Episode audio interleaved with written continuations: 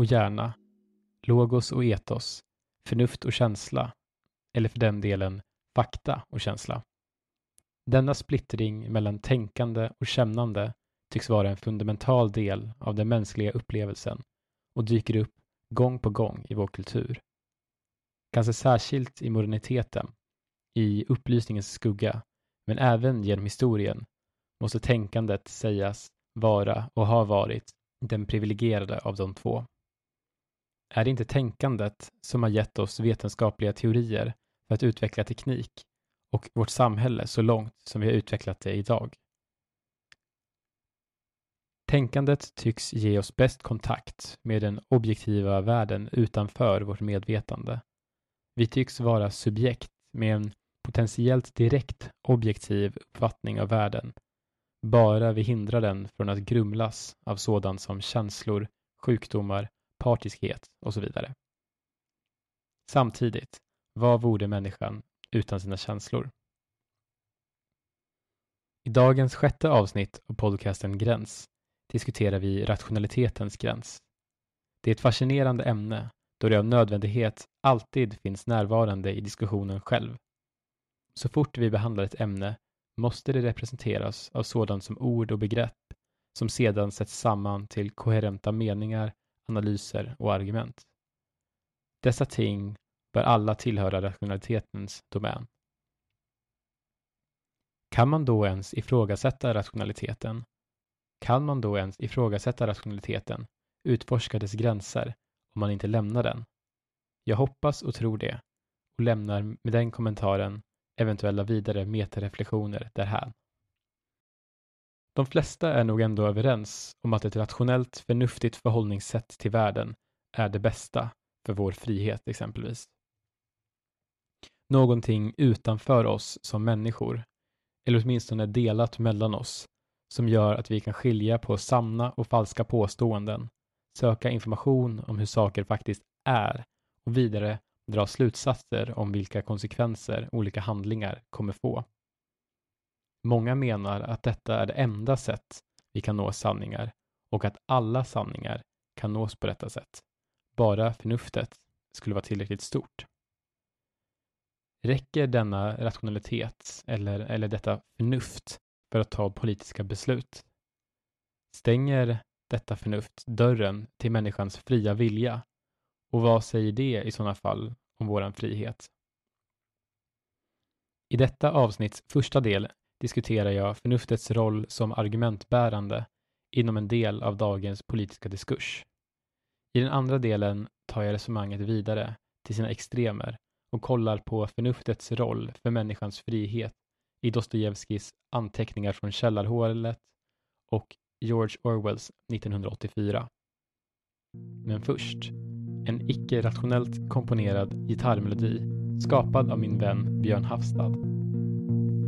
Mer om detta i nästa avsnitt som kommer att beröra liknande teman.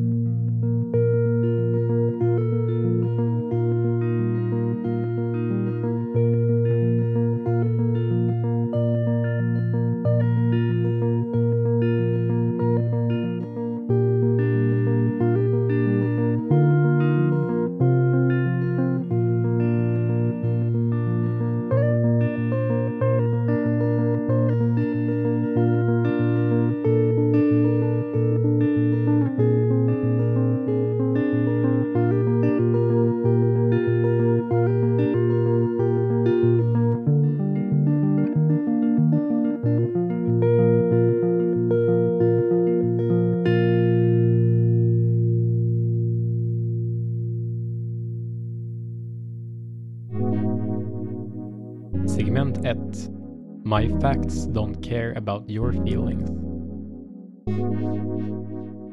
Få har nog missat aktualiseringen av förnuftets roll inom politiken. Eller inom en viss eh, internetaktivism i alla fall. Hmm. I inledningen alluderade jag just till denna strömning som nog bäst sammanfattas av sägningen Min fakta bryr sig inte om dina känslor.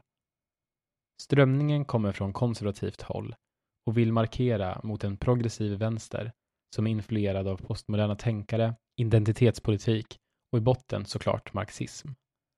Denna vänster anklagas för att förkasta objektiv sanning och rationella argument för att istället företräda tolkningsföreträde och känsleargument. Kritiken kan till och med gå ännu längre med begrepp som godhetssignalering och hävda att politiskt positionerande hos sina motståndare är grundad i ett behov av att känna sig god och att passa in i en grupp snarare än en faktisk vilja att förändra.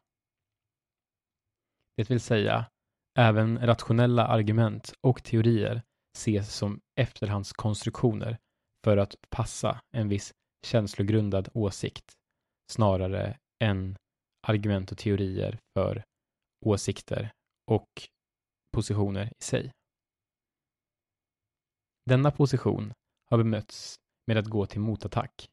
Kolla på hur de är emot homosexualitet, vilket överhuvudtaget inte borde påverka dem.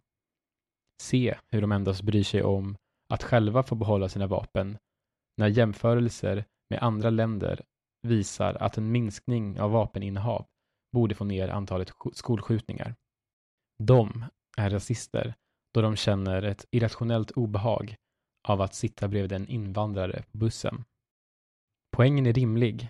Antagligen är den tråkiga sanningen att vänstern har sina känslobaserade ståndpunkter medan högern har sina.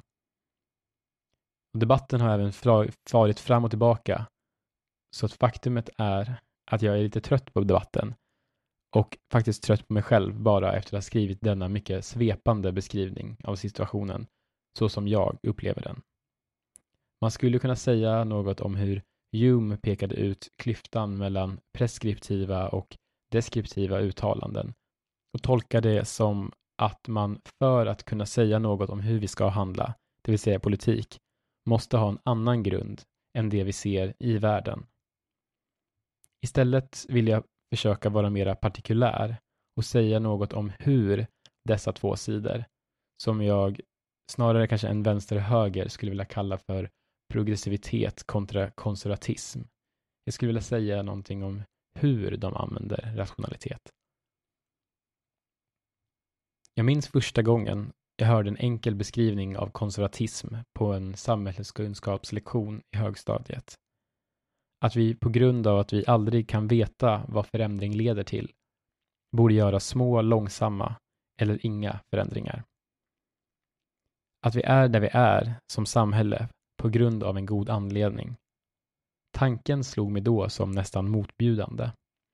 Hur kan man inte se att förändringar bort från slaveri, despoti, klasskillnader och så vidare har varit positiva och då dra slutsatsen att vi bör sträva efter att fortsätta hitta liknande sådana problem och lösa dem.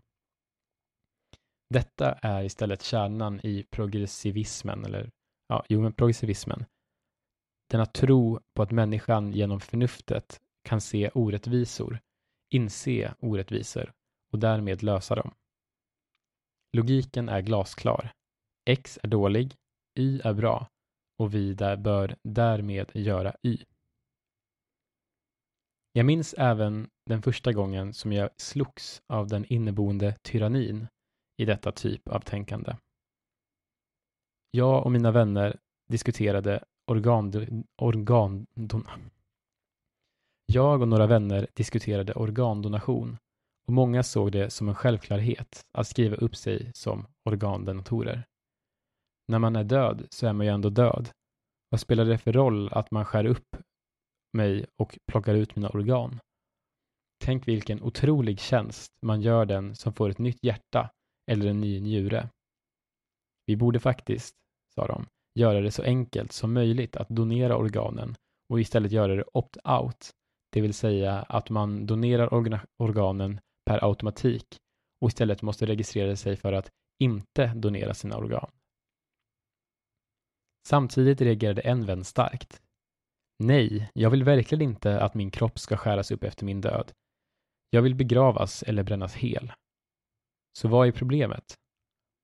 Det är bara för henne att säga att hon inte vill så behöver hon ju inte. Jo, bara implikationen av att grundläget för oss som människor, eller för henne som människa, att egentligen tillhöra staten, citat enkelt staten, att så att säga endast ha våra kroppar till låns för att utnyttjas efter vår död förändrade hennes förhållningssätt till världen på ett obehagligt sätt. Notera, det är här endast hennes känsla som påverkar, som gör att hon känner obehag. Men känslan förhåller sig till ett rationellt konstruerat ramverk som berör hennes förhållande till staten. Vad innebär det egentligen att vara ägd av staten? Att behöva avanmäla sig som organdonator är en väldigt liten sak som inte påverkar hennes sakförhållande i världen. Egentligen krävs det väl endast att någon förklarar för henne att det är en irrationell känsla som stoppar henne från att acceptera detta system som skulle öka allas lycka. Men likväl, det var en känsla. Och vidare, hur kan vi uttala oss om rationalitet på ett sådant abstrakt plan som vårt förhållande till staten? Hur kan vi säga att sättet hon förhåller sig till samhället är fel? Progressiviteten säger det är fel om det stoppar slutmålet, det rationellt uttänkta slutmålet. Vad är här min poäng? Jo, att rationaliteten på ett sätt kommer i ovanifrån och säger åt oss hur vi känslomässigt bör förhålla oss till vissa ting. Det vill säga bestämmer åt oss. På det sättet så tappar vi någon sorts frihet. Nu har jag bekvämt nog valt en fråga som inte är så politiskt laddad, vilket gör att de två lägren inte är lika upp, tydligt uppdelade som i andra frågor, men jag hoppas ändå kunna göra en generell poäng. Progressivismen är på ett sätt hyperrationell. Det är självklart att man ska kunna sätta sig utanför sitt eget subjekt och se det som jämbördigt med alla andra. Självklart finns det ingen anledning till att just jag ska ha det bättre, eller ens annorlunda, än någon annan bara för att jag föddes i en viss familj med ett visst kön, med en viss etnicitet. Det finns ingen gud, ingen biologi eller något annat argument som jag kan peka på ute i världen för att motivera skillnader annat än min egen egoism, vilket är en klandervärd egenskap som jag såklart är rationell nog att jag kan sätta mig över. Så hur skulle då ett konservativt anspråk på ett rationellt argument på samma ämne kunna se ut? Möjligtvis skulle man kunna peka på just den känslan av att tillhöra staten som min vän hade. Visst, skulle man säga. Visst låter det som en bra idé i de bästa av världar, men se på hur människor egentligen är. Detta kommer inte att fungera i verkligheten. Är inte detta ett väldigt rationellt argument, trots att det i botten hänvisar till en känsla? Om vi implementerar vårt tänkta system kommer det inte att leda till de konsekvenser vi tror att det kommer få. Det kanske till och med kommer få andra hemska konsekvenser. Det konservativa paradoxen är, det är rationellt att som människa inse människans irrationalitet.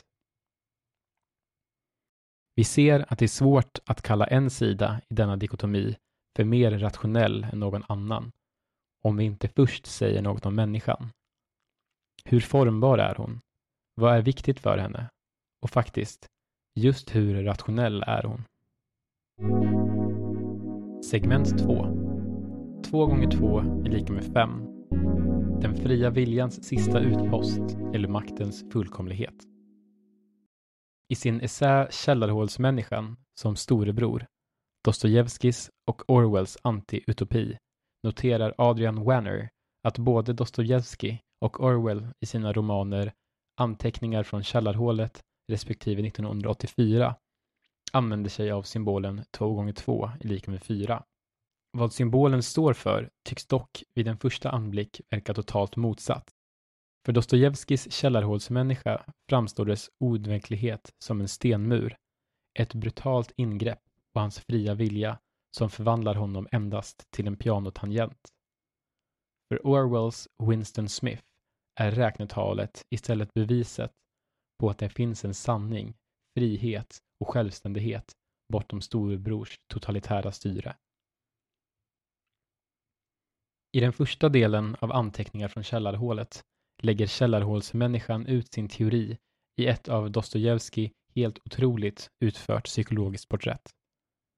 En bild träder fram av en människa som fullt och ständigt anammat en helt materialistisk, positivistisk världsbild där människans minsta vilja och agerande kan förklaras på samma sätt som, just det, att två gånger två är lika med fyra. Om man bara bevisar att du härstammar från apan så finns det ingen anledning att lägga pannan i djupa tankeväck. Det är bara att acceptera, säger han. Om man bevisar för dig att ett uns av ditt eget späck av nödvändighet är dyrbarare för dig än hundratusen av dina medmänniskor och att du härigenom slutgiltigt befrias från alla så kallade dygder och moraliska förpliktelser och andra inbildningar och fördomar så är det bara att acceptera att det finns ingenting någon kan göra åt den saken. Till två gånger två är rena rama matematiken. Försök bara att säga emot. Samtidigt slåss källarmänniskan med näbbar och klor mot denna insikt och utbrister direkt därefter. Men herregud, vad angår mig naturens och aritmetikens lagar vid de tillfällen då jag finner anledning att ogilla dessa lagar, att detta två gånger två är fyra. Självfallet kommer jag inte att kunna stånga mig igenom en sådan mur om jag inte har krafter nog för att göra det. Men jag kommer inte heller att försona mig med det bara för att den står där framför mig och mina krafter inte räcker till. Så kastar sig källarmänniskan mot muren, trots, eller snarare just därför, att han är medveten om hur tröstlöst det är. Samtidigt tillåter han sig själv ingen äkta, autentisk känsla på grund av sin medvetenhet. Han inleder med att kalla sig ond, för att sedan kalla det för ett misslyckat skämt, för att sedan förklara att han endast gjort onda ting för att han varit uttråkad. I slutändan misstänker han att allt han skrivit endast varit en lögn. Inte ens tandverk tillåter han sig stöna över, då han vet att stönandet inte hjälper för smärtan. Han vet att allt kan förklaras på ett djupare plan och fortsätter därför att gräva, även om det mest liknar att peta på en böld. Och trots detta märker vi som läsare hur källarmänniskan tycks vara full av känslor, även om man själv inte tror dem som sanna. Som sagt, jag tycker att det är ett mästerligt porträtt. Och ironiskt nog är det det på grund av att det är så sant. En måltavla för Dostojevskij var just de utopister som idag kanske ligger närmast det vi skulle kalla för progressiva. Så här säger han. Kan ni säga mig vem det var som först påstod att människan begår skändligheter enbart därför att hon inte förstår vad som ligger i hennes eget intresse samt att man bara behöver upplysa henne, öppna hennes ögon för vad som utgör hennes verkliga, normala intressen för att hon genast ska upphöra med dessa skändligheter och omedelbart förvandlas till en god och ädel människa. Ack, ljuva, naiva spädbarnsjoller. Vilken är denna nytta människan alltid ska arbeta för? Det är möjligt att man kan börja ge exempel.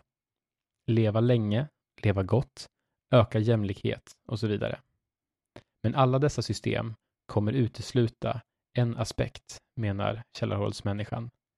Människans behov till fri, egen fri vilja. Så här skriver han. Om det faktiskt skulle visa sig att hon vore en pianotangent, om hon skulle överbevisas om detta både naturvetenskapligt och matematiskt, så skulle hon trots allt inte ta reson utan vara otacksam nog att medvetet ändå handla precis tvärtom. Om inget annat hjälper så kommer hon i slutändan medvetet välja att bli galen för att hävda sitt eget jag. På grund av denna grundläggande mänskliga betingelse ser källarhålsmänniskan olycksbådande framför sig hur det i en genomförnuftig utopisk värld kommer komma en herre med ett reaktionärt och spefult utseende som sätter händerna i sidorna och säger Är det inte dags att störta förnuftsbygget och sparka sönder det så att vi kan skicka alla logaritmerna åt helvete och åter få leva efter vår egen dumma vilja. I Orwells 1984 har denna herre kommit. Även om irrationalitet för den fria viljans skull inte är en officiell del av partiprogrammet finns den där i maktapparaten med koncept som nyspråk och dubbeltänk. För Winston blir därför hävdandet av a priori sanningar en motståndshandling. Så länge två gånger två är lika med fyra finns det områden där partiet inte kan kontrollera. När Winston i romanens slutskede blir tillfångatagen verkar förhörsledaren O'Brien, likt som källarmålsmänniskan tänkt sig, ha blivit fullkomligt galen för att nå fullkomlig frihet. Om jag säger att jag kan flyga så kan jag det, säger han. Verkligheten är endast det som finns i våra hjärnor. Han hjärntvättar också Winston till att verkligen tro att 2 gånger 2 är lika i 5. Vilket då, enligt hans resonemang, innebär att det faktiskt är sant. Ironin här behöver knappast pekas ut. Människorna i 1984s dystopi kanske inte behöver bry sig om sådant som naturlagar eller matematiska lagar som källarhålsmänniskan var så brydd över. Men samhället är ändå klart mindre fritt än någonsin. Inte ens O'Brien har antagligen särskilt stor frihet. Wanner skriver att det inte vore helt orimligt att tänka sig 1984s samhälle som byggt av källarhålsmänniskor som lyckats slå sig loss från den handlingsförlamning som kommit med den fullkomliga positivistiska världssynen och handlat utifrån den enda gru grund de accepterar, viljan. Genom en gemensam vilja kan de till och med inordna sig i ett system på ett sådant sätt att de mer än någonsin endast blir instrumentella pianotangenter. O'Brien förklarar. Ensam, fri, är människan alltid dömd att misslyckas. Hon måste misslyckas då hon måste dö. Men om hon totalt lyckas underkasta sig, lyckas säga ifrån sig sin identitet och totalt uppgår i partiet, så att hon är partiet, blir hon allsmäktig och odödlig. För att hårdra det. Detta är slutstationen för den totala positivisten. Den enda möjliga grunden till handling och mening med livet. Vad annars finns det att peka på i världen än att fortsätta existera i det oändliga, att nå oändlig makt och oändligt med handlingsutrymme. Wanner menar inte att varken Orwell eller Dostojevskij omfamnar någon sida. Den positivistiska fetischiseringen av total rationalitet eller den irrationella galenskapen för frihetens skull. Istället ställer de upp ett dialektiskt förhållande. Två poler som en människa, ett samhälle eller en ideologi måste balansera mellan. Var gränsen går kan jag inte uttala mig om. Men jag hoppas att min poäng har gått fram. Att det inte är så himla enkelt.